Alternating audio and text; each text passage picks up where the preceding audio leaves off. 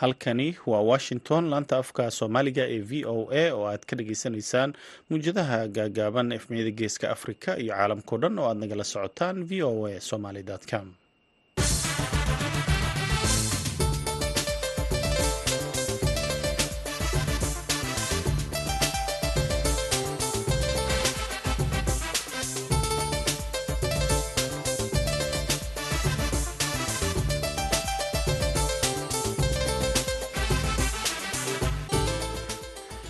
duhur wanaagsan dhegaystayaal waa jimco kowda bisha disembar sanadka ka afrikada bari saacaddu waxay tilmaamaysaa kowdii iyo barkii duhurnimo idaacadda duhurnimo ee maantana waxaa idinla socodsiinaya anigoo ah cabdulqaadir maxamed samakaab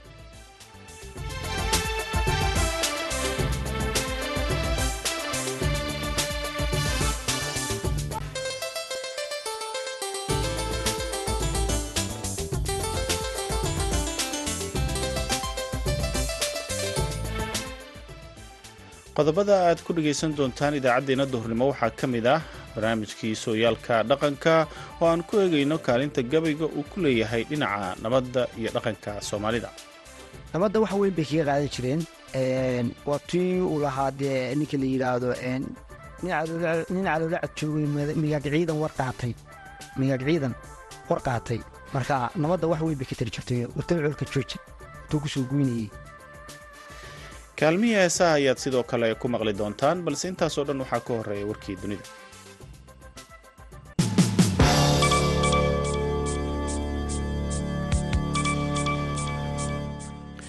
Dowladda soomaaliya ayaa ku dhawaaqday in gargaarkii bini-aadinimo ee ugu weynaa uu soo gaaray dalka tan iyo intii masiibada daadadka iyo fatahadaha ay ku dhufatay soomaaliya gargaarkan oo dhan shan iyo labaatan kun oo tan ayaa waxaa soomaaliya ugu deeqday dowladda ruushka iyadoo markabkii siday uu shalay soo gaaray dekedda magaalada muqdisho sida uu sheegay wasiirka arrimaha gudaha ee xukuumadda federaalk ee soomaaliya axmed macalin fiqi oo guddoomiyey kaalmada.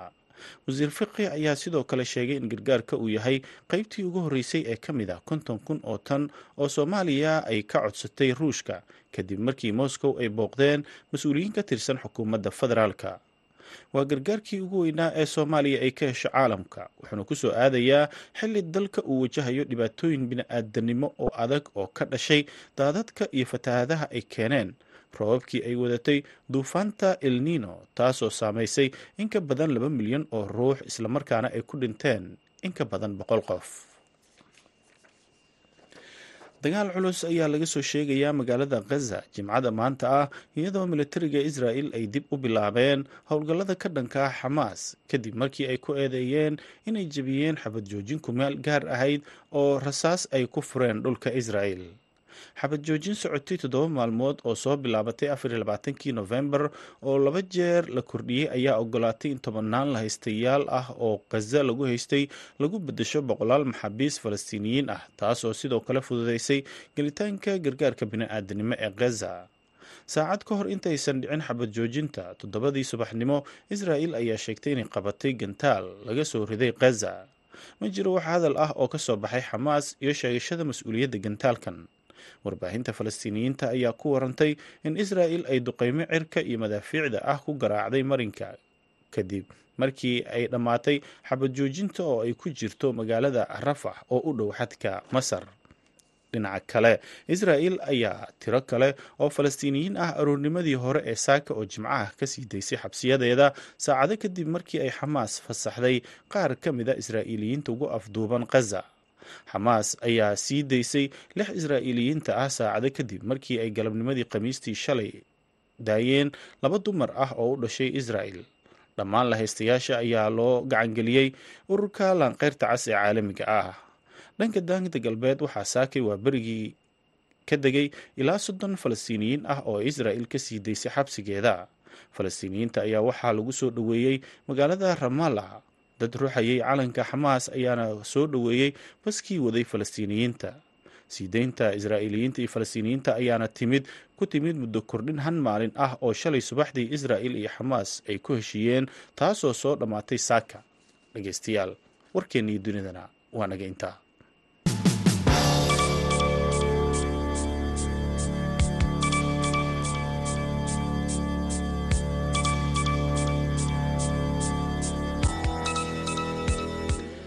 halka aad warkaasi ka dhagaysanayseen waa idaacadda v o a oo idinkaga imaaneysa washington jimco wanaagsan. Mar kale haddana dhegaystayaal waxaad ku soo dhowaataan barnaamijkii sooyaalka dhaqanka. Waxaa inoo haya soona jeedinaya wariyaheena magaalada laascaanood cabdikariim olol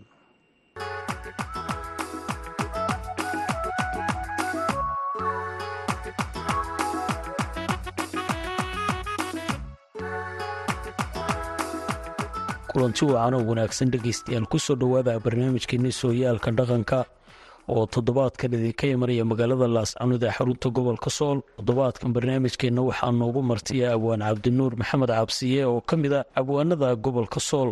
Toddobaadkan waxaan diiradda ku saari doonaa haddii rabbi raalli ka dhigo dhaqankii soomaaliyeed iyo dadka reer guraaga iyo guud ahaan soomaalida qiimaha ugu fadhiyay gabayga iyadoo lagu cabiri doono muhiimadda gabayga u lahaa dhaqanka iyo siyaabihii ay fariimaha isugu diri jireen dadkii hore iyo haatan sida gabayada loo adeegsado. Ugu horeyn cabdinuur ku soo dhowo barnaamijka dhaqanka v o a.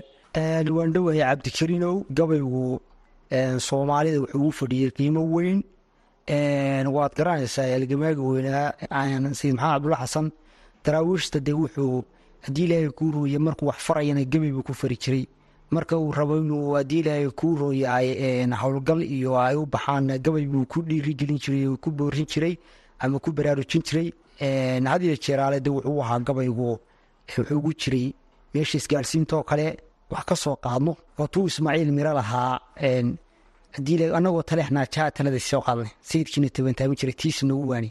Sayidku waatuu lahaa ninkii loodhan jiray xuseen dhiqloo kale xuseenow jigraar lama hadle jaalkee baa tahay? Oo yaniga ninkuu gabayada fari jiraya la odhan jiray dee koley la yidhaahdo waxaa weeye aabihii kabiyaaga reegowgaas de waa kii gabayga ama arrimaha nabadda iyo waxyaalaha markaa cusub ee dhaca. Inta badan gabyaaga geele oo iyana dee aad ogeydeenoo geela sida berigii hore soomaalida way jecleed iyo fardahabo waxyaalaha ugu badan gabayga geela de waa waxa weeye waa watuu ninkii lahaa geeliisa markuu aniga isagoo siduu ugu soo tabcay ula soo ma garanaysaa dadaalay oo waktiga dheer iyo muddada u geliya u anigoo ciroobiyo anoo canuga oo weyla caweeray ma jirin. Meel kalaan ciidan u ahaaye cidna kuguma aaminin. Intaan caajibsiibsaday cuunkiiyo darmaha doodiyeed ciidda iyo hawdka.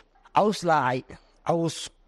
Iyo meelaad buran cantuugayso cosob laacay dhaxaanku miro kuwa caweysimay dhaxaan waraabaha ka weligeedna meel ai kaciyey meel ai kaciyey doo kamaad cunin cagtana ma dhigin arlada meel cagaag badanee dhaaxaan dhaaxaan libaax kaa ceshay iyo aarka coof kale ahee dhaaxaan cagaacadaan kugu waday iyo calala cadka suulku dhaaxooyinku hay. Caaradaa hore ee dhaaxaan caraabiyo wax badan.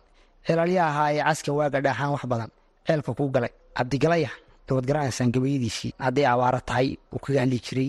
Haddii geela sida loo dhaqo markuu lahaa geela ka hadlaya u lahaa. Caanaha qiyaas laga lisiyo qoran karuurkeeda caanaha qiyaas laga lisiyo qoran karuurkeeda unbaa quraac iyo cashaba.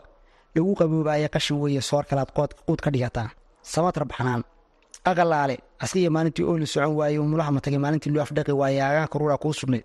Awrta kuu raranaya in markaa dhantabin kale baad ku iltirayseen ee arlaaga geela. Nafta lagu ilaashaa yaadhiyo loobaa lagu baxshaa. Ana kuu timid ee aabbaha kule ku tahay nin kale looma aamino. Cabdinuur waxyaalahay kaga hadli jireen waxaa ka mid ahayd deegaanka iyo dhaqanka hadday noqoto nabadda golokafuulka iyo aftahnimada bal ka waran dowrintee leeg buu ka qaadan jiray markay nabadda ka hadlayaan oo kale hore soomaaliyeed dhanka gabayga iyo qiimaha uu lahaa wallaahi de wuxuu ka qaadan jiray wax wax walba waxbuu ka qaadan jiray. Nabadda waxbuu ka qaadan jiray. Haddii ilaahay ku uranya golayaasha iyo marka lagu garamayo waxbuu ka qaadan jiray. De waa gabay kumaamaah baa jira wax la yidhaahdo. Haddii ilaahay ku uranya marka raggu golayaasha ku wada hadlayaan laisu soo qaato haddii ilaahay ku uron yahay iyadoo gabayadaasi rag fara badan tiriyeen qamaan bulxan oo kale otuu lahaa baadida nin baa kula daydaye daalla kaa badan oo adooni inaad hesho daayi nabidkaa ee dallana ma leh mawdi duul wada dhashan wuxuu dahsooneen dallana ma aakhiro haddii loo kitaabdayo saa'id qamaan oo kale waatuu isna lahaa mase inaanu nahay tolnima meerto noo tahay rag waxaan ku maamuli aqana ma ku maamuusi mase inaanu nahay tolnima meertay meerto noo tahay masalahan inaan ii dhigayn oo midigi saarayno aniga iga maarmi karaa uma muraad yeesho walle muska in afay galo. Arlada kama micin moodo. Waxay ka wadaan yacniga qof nin aanu adigu markaa soo dhoweyn waayey oo qadarin waayey oo wixii uu ka mudnaa uu ka waayey oo kale weye tusaale ahaan oo kale sidaan hadda ka hadlayno fariimo oo kale isku gaadhsiin jireen oo nabaddana way kaga hadli jireen colaadana way kaga hadli jireen waxyaabaha soo kordha oo kale. Muhiimad intee la-eg buu markaa u lahaa ninka gabyaaga marka uu dadka deegaanka ama ooshaas oo kale uu ka tirsay nin gabyaaya walaa qiimo weyn buu ugu fadhiyey dee wuxuu ahaa aftahankoodu ahaa haddii ilaahay kuu ruya haddii loo soo gabyo reerka wuu difaaci jiray haddii ilaahay kuu ruya haddii ay meel aadayaanoo ama reero ardaar dhigayaan ama haddii ilaahay kuu ruya ay meel aadayaan waa la kaxaysan jiro lagama maarmi jirin. Oo haddii ilaahay kuu ruya wuxuu ahaa dee gabyaagii reerku ahaayo yaniga reerka gabyaagooda kale unbaa laga horgeyn jiray. Marka qiimo weyn buu ugu fadhiyey gabyaagu dadkii hore ee waxaweye waad garanaysaa awaanada wada magacyada dhaadheer oo dhan. Waxay ku soo caanbaxeen tir kulli si reerahooda u difaacayeen haddii gure af iyo aadinba ula berbertaagnaayeen nabadoo kale ee dowrinto leeg bay ka qaadan jireen inay kaga hadlaan markaan colaadaha la gaadhin iyo iyo dhaqanka baliga sheekeeyadan nabadda wax weyn bay kaga qaadan jireen waa tii uu lahaa dee ninka la yidhaahdo nin caloolacad joogay migaag ciidan war qaatay. Migaag ciidan war qaatay. Marka nabadda wax weyn bay ka tari jirtay. Mutacolka jooja intuu ku soo goynayey marka nabadda wax weyn bay ka tari jirtay. Gabyaagu waxa weeye nabadda door weyn buu kulahaa ka qaadan jiray. Maxay ka gebyi jireen marka ay u baahan yihiin inay bulshada xogeysiiyaan oo kale? Kolley waxaa weeye bulshadu marba dee hawl baa taagan. Haddii abaar jirto abaar bay ka gebi jireen. Haddii colaad jirto colaad bay ka gebi jireen haddii ilaahay ku raya wax cusub oo markaa dadka ku soo kordhay oo yacniga aan hore loo aqoon way ka gebi jireen carab shaacir. Liilisyadu curusga sheegaaye cilmi buu leeyahay waxaan caama garanay bay ku jirtaa gabayga ninka la yidhaahdo farax lanjar baan u malaynayaa rag cadaalad waay aan kala gooye la yidhaahdo. Marka yacniga waxyaalahaas geela oo kale qiimo badan buu ugu lahaa. Ammaanta geela oo kalena si weyn bay uga hadli jireen xoolo dhaqatada ay la noolaayeen abwaana way jeclaayeen. Bal ka war geela waa run geela si weyn bay uga hadli jireen oo inta badan ka dhacaya raba inuu geel dhaco waa ka hadli jiray ka soo dhiciyey waa ka hadli jiray. Haddii ilaahay kuu royahay ka dhaqaya ee raba geela ma garanaysaa sida loo dhaqo waa ka hadli jiray. Guurka sidaasoo kale isna waa laga hadli jiray. Gabdhaha waa lagu shukaasan jiray gabayga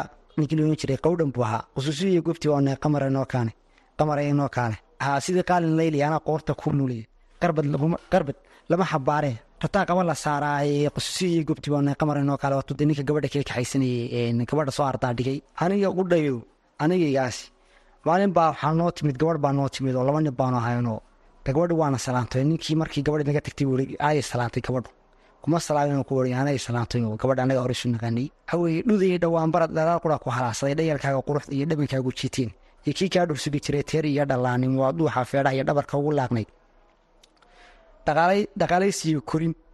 Daadaadka hoosaan reer ka dhigbax laahaa labadaasi kala dhigan dhiiluhu kala oran aftahnimada kaalintee leeg bay ku lahaayeen oo ay marka golayaasha la isugu yimaado ama geedka la tago dadka dhaqanka ay abwaan ka horreysiin jireen abwaanku waxa weeye de kolley marka laysu yimaado gole laysugu yimaado abwaanku sidiisa wada waa nin xigmaawiyo sheekadiisaa la iska dhegeystaa gabayadiisaa la dhegeystaa. Inta badanna hadalka waxa weeye wuxuu samayn jiray wax layaha gabay kumaamaa buu samayn jiray. Buu ku maamaa ninku hadduu abwaan yahayo magaranaysa waxa weeye rag badan oo gabaya kumaamaha yaqaani oo magaranaysa baa jiri jirayoo markay gole yimaadeen. Gabayga ku maamaha jiray waa jiraa gabay kumaamahu ragkaa faqay rafiiq ninaa tihiin tala lagaa reebay meelaan lagaa rabin indhaha lalama siraaco oo kale waa gabay kumaama ah. Weeye abwaanadii hore. Cuqubada halkii lagu galay caw ku ridaay carruurtay ka laysaa ninkii caana baas dhama. Waa gabay kumaama haddii ilaahay kuli anigu horta gabya waan ka mid baan ahay xilligii ay abaari dhacday oo abaar la odhan jiray noberi guur. Oo hadda jirta de kolley ama la odhan karo la mid bay ahayd ama waa ka sii xumayd baan gebiyey tiriyey gabaygaas abaartan ka tiriyey haa markaa gabaygaasina wuxuu ahaa waayadan gabaygii ma tirin gaananaan jiray. Gadowgana ma qaban maasadii gurada weyney waxay gaadhay mooye baryahan kuma galoolayn. Gudi baanu rido maantoo kale waa gurfayn jiray. Gaasiraay abaar guunayay gembiyaa dhacay. Golfafihii xooluhu waa kuwa goob walbaba oo gudirifaynto dhurwaagiga laftoodii gorgorkii xushadu gabran yihiin aad ku geylabay gaaliyay ka gaar dhulku garabsiiyey oo gawaan iyo gasari noqdo goosi laga waayey. Gojar iyo neef wuxuu gatiyo geedu jaro waaye damal gadafle geed la harsadaa maanta waa gibine. Gergeriya cawsle waa wixii guglanaa jiray. Kaxadhkiiyo nabaadkii lama hayo gelmiste lahaay gorof iyo garcadiyo waayadan gatowlaan bixine gurmud baa ka hadhay cadaygii aadna loo guray. Garabku qaadiyo wiilal gadana guulla ku idbaari gablool bay maraysaa higladu daaqi jiray jiilu galoolkiiyo duurkiina intaa waa la gubayaay gurmo go'aanti laga dhigo gudin lagu seesh galoolkiiyo duurkiina intaa waa la gubayaay waa ganacsi laga gooshayo maanta geeduhuyi qurac garo goodiun ku yaal golo soo taagan. Isaguna gubtoogahiyo gale ka duulaayo. Oo geed la fiintiyo lahayn gobol qayaankeena geedaha aan soo tirshay gebi ahaantoodba guunyadii ku nooleed haddaa geli la siiyaay aad iyo aad baad umahadsantahay awaane waxyaabaha laga hadlo kale waxaa ka mid a nabadda oo kale qiimo intee leeg bay ku fadhiday oo ay dadka aadan jireen dhanka wacyigelinta oo kale maadaama dadka xoolo dhaqatada ee hore ay ceelasha isku qaban jireen oo dhibaatooyin ka dhexdhici jireen bal ka war nabadda wax badan buu ka qaban jiray. Haddii ilaahay kuu mooye dee waad aragtay gabayo badan nabadeynta ah baa jira oo laga tiriyey. Gaal iyo islaamba nabadda nabaddu waa gogol nasteexaad tu lahaa gaal iyo islaamba nabaddu waa gogol nasteexaad marka gabayo badan baa laga tiriyey nabadda bal ka war siday ugu faani jireen marka laga hadlayo dee dadka dhaqankaasi dhaqan noocma abuuhaana oo run waa lagu faani jiray nin waliba de waa lagu faani jiro barayar waa tu lahaa. Goobka madare goodiga masagan gudin banaankeeda halkuu geeshkaygu joogo geel ayagu daaqo nina gacanta kuma fiiqi karo. Gardariya siryeel wagu garaabnaaye nina gacanta kuma fiiqi karo gaaliya islaam. Qamaan bulxan waa tu lahaa. Gulaaftanka iyo faankusu xeer maaha iyo anigoo ku faanayey gabayga ku faanayey marka oo lagu faanaa gabayga waxyaabaa hadda isbedelay maxaa ka mida qiimaha uu dhaqankii hore soomaaliyeed oo ku dhexlaa iyo haddadan bal nooga waran hadda waxyaabaha sida weyn isu bedelay hadda. Hadda waxaa bedelay de waa muusikada muusikadaasaa bedeshay. Hadeer nin kasta oo gabay tiriya ama cid ma garanaysaa hadal haysa ma jirto. Hadeer gabayga iyo fardaha iyo maskafkii la odhan jiray garaadnimada iyo waxaaso dhan waxaad moodaa in hoosu dheenaa bal ka waran marka laga hadlayo raggii hore ee soomaaliyeed xagga atiga ama in ay golokafuul yihiin oo ay markaaba gabayada tiriyaan hadda wax weyn baa iska bedelay baa la leeyahay dhaqankaasi. Kaasi dad bay ahaayeen maskaxdooda fresh tahay oo aan internet isticmaalo laptop isticmaalo oo teknolojiyadii iyo shaqada iyo waxaa ku lahayn. Haddii ilaahay kuu rooyahay dad iska freesha bay ahaayeen oo hawo freeshay iyo caano freeshay iyo hilib freeshay yacniga magaranaysaay aan dadkan hadeer waxaweye ma garanaysaa la ahayn. Anugu ini weyn baan ahay baan leeyahay. Waxaweye beriga hore dhulkaa markaan maro meesha gaari maro laba casho iyo batrool jiray gaarigaas haddii shay magaala lagaaga keeno oo lagaaga soo iibiyo dhowr cashaa shaygaas wuxuu noqon jiray ma garanaysaa wax udgoon oo magaalo ma garanaysaa ha magaalo magaala ka soo wareysa marka de waxa weeye wax badan baa waxaweye u dhexeeya oo waxaweye beriga hore dadku waa la raadin jiray qiimuu ku fadhiyey qof macnole buu ahaa haddii ilaahay kuu royay maanta laakiin ama abwaan ha ahaado ama haddii ilaahay kuu royay ha ahaado ninka la yiraahdo maxaa loohan jiray waayaarag ama haddii ilaahay kuu royay nin gabreed nin garbood wuxuu doonaba ha ahaado waxba maanta wax saa qiimo weyn yaa cidna ugu fadhiya ma aha dhaqanka soomaaliyeed waxaa ku jirtay ninku markuu yahay afmaal qaarkood dadku way ka baka jireen oo karaamuu lahaa oo in gabayo ku halgaado aad bay isaga ilaalin jireen gacanta way kala laaban jireen oo berimageydada ayuu ku jiray. Bal ka waran sidaas oo kale. Way jireen dad yacniga yaqaana gabayada guhaanka la yidhaahdo dadka guhaama. Markaa oo afkuleeblayaala oo la yidhaahdo waxaweye ninkaas gabay guhaana. Buu yaqaanaa marka waxaa weeye way jirtaa dadka guhaanka gabayada dadka ku guhaami jiray ayaa heesaha iyo waxaasi way jiraan. Loola jiray. Weliba waa afkuleeblo waxaweye way jirtaa waa wax jira weeyaan. Iska ilaalin jiray laga baqi jiray lagama maagi jirin waa laga gebsi ninkaas inuu gabay guhaana kuusoo turiyo waxaweye waa laga baqi jiray. Kale marka colaaduhu dhacaan sidee loo ilaalin jiray ninka gabyaaga ninkii gabyaaga dee xiliyada koley dadkiisa horta raggiisa umude ka mid ahaa laakiin yacniga wuxuu ahaa nin reerkaas ugu jira qiimo weyn u leh buu ahaa gabyaagoodii buu ahaa namadna galahaa dee waad garanaysaa ninkii loodhan jiray ninkii loodhan jiray aadan carab kale. Waxaweeye nin oday oo haddii ilaahay kuu rooyahay dee xaajadana galu ahaa dagaaladana waa geli jiray oo tulaha kubka iyo maalintii kubka iyo maalintii gacanta midi jeebku iga gaadhay kun qolaa jeclaa inay xabaal igu kaseeyaan karabisigin habaar ligu kari waaye dagaal buu ku dhaawacmay daha marka saasunbuu uga jeeday ma ka reebanayd afxumada iyo aflagaadadu dhaqanka soomaaliyeed oo beeshaasi ama dadka xilligaas ay dhaqanka la noolaayeen gabyaagu in isku dirka oo kale aan la jeclayn oo ninba ninka uu nabadda ka jecel yahay ma qiimeyn jireen. Wallaahi niya ou de horta berigaa iyo waxaweye berigaas waxa weeye ninka adugu nin karmeedka ah waa la jelaa aad ba loo jelaa gabyaaga waa la jelaa waxaana lagu jeclaa aftahanimadiisaasu reerka ku difaacaya lagu jelaa marka waa la qiimeyn jira oo dee nin sharaf leh bu ah de waad ogtahay nabaadir cali dhuux iyo ismaaciil mire iyo dee dadka lama sino. Waxyaabaha laga hadla waxaa ka mid a dhanka xoolaha oo kale oo gabayada waa laysugu faani jiray oo leeyahay ku salaamay roobka ku siway sudiya gaaroodi saqda dhexe haddii loo lalaba socotadii geed. Kulmada sagaal jiray haddii keena lagu saydo qarqarsiga haddii lagu sakalo sancadaha dhaartay haqalada sintoodii haddii sibirta loo laabo reeryada haddii lagu sawiro suunka iyo bayda oo waxay ahaa isaga markaa tiraadhaha sare u qaadaaya wax ilaahay noo sandahay saad u aragtaane sideed loola tiirarkiiyo saamihii aadari suradiyo bada teedsan iyo saabka iyo heenta saabka iyo haanta intaasoo la wada saarayo baasaayid weeshaaye saqiirkii carruurtana. Guraad uga samaysaaye suryada marka loo baxsho uu sare u boodaayo salinkii waxaa lagu caawiyaa.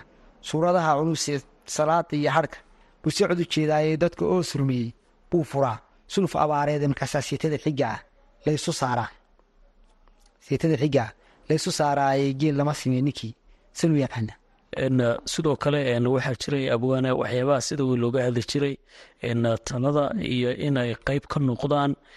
Abwaanadu tusaale ayay ku bixin jireen oo dadku ay wadaagaan.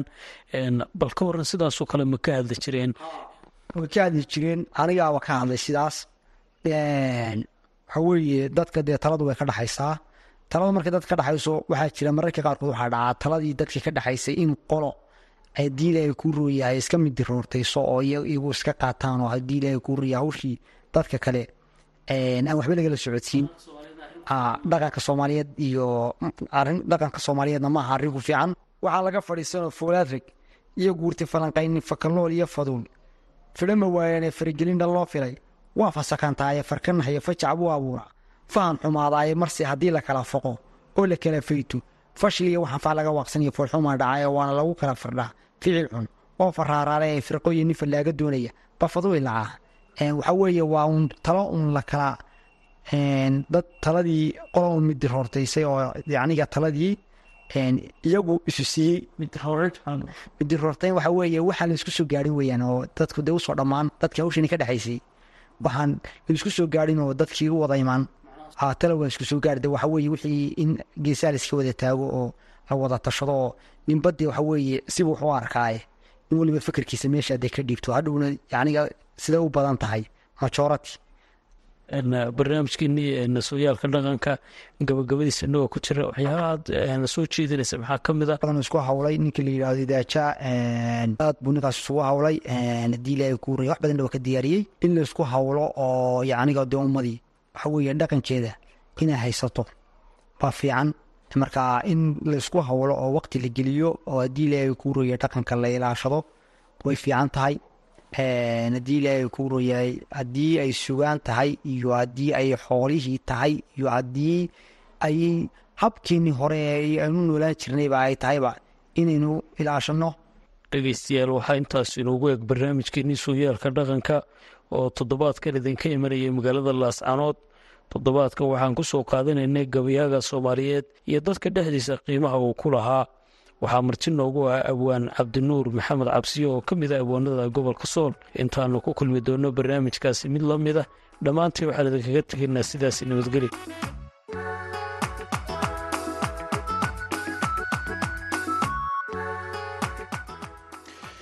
aad ayuu u mahadsan yahay cabdikariin cabdulaahi olol oo nala socodsiinayey barnaamijka sooyaalka dhaqanka oo noogu soo diyaariyey magaalada laascanood weli waxaad dhegaysanaysaan idaacadda v o a oo idinkaga imaaneysa washington. Haddana waxaad ku soo dhowaataan kaalmihii heesaha codadkii idil barqadle iyo cabdi curiye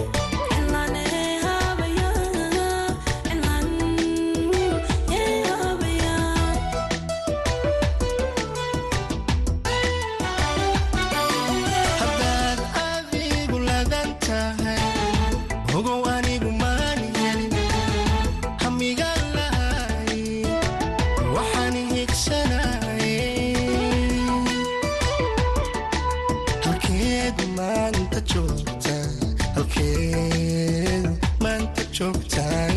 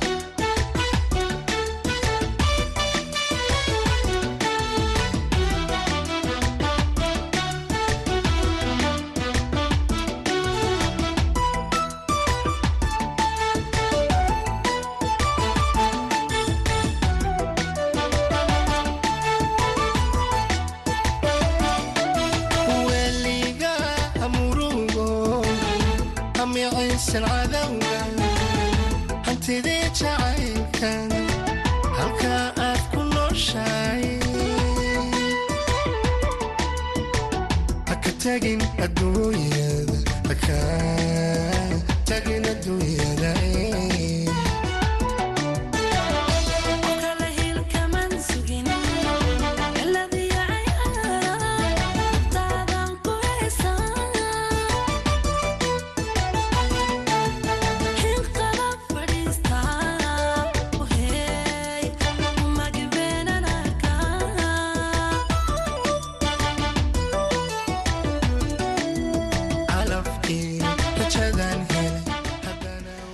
heestaasi ay ku wada luuqeeyaan cabdi curiye iyo idil barqadle ayaa u dambeysay idaacaddeenii duhurnimo tan iyo idaacaddeenii galabnimo. waxaan idinkaga tegaynaa sidaa iyo nabadgelyo.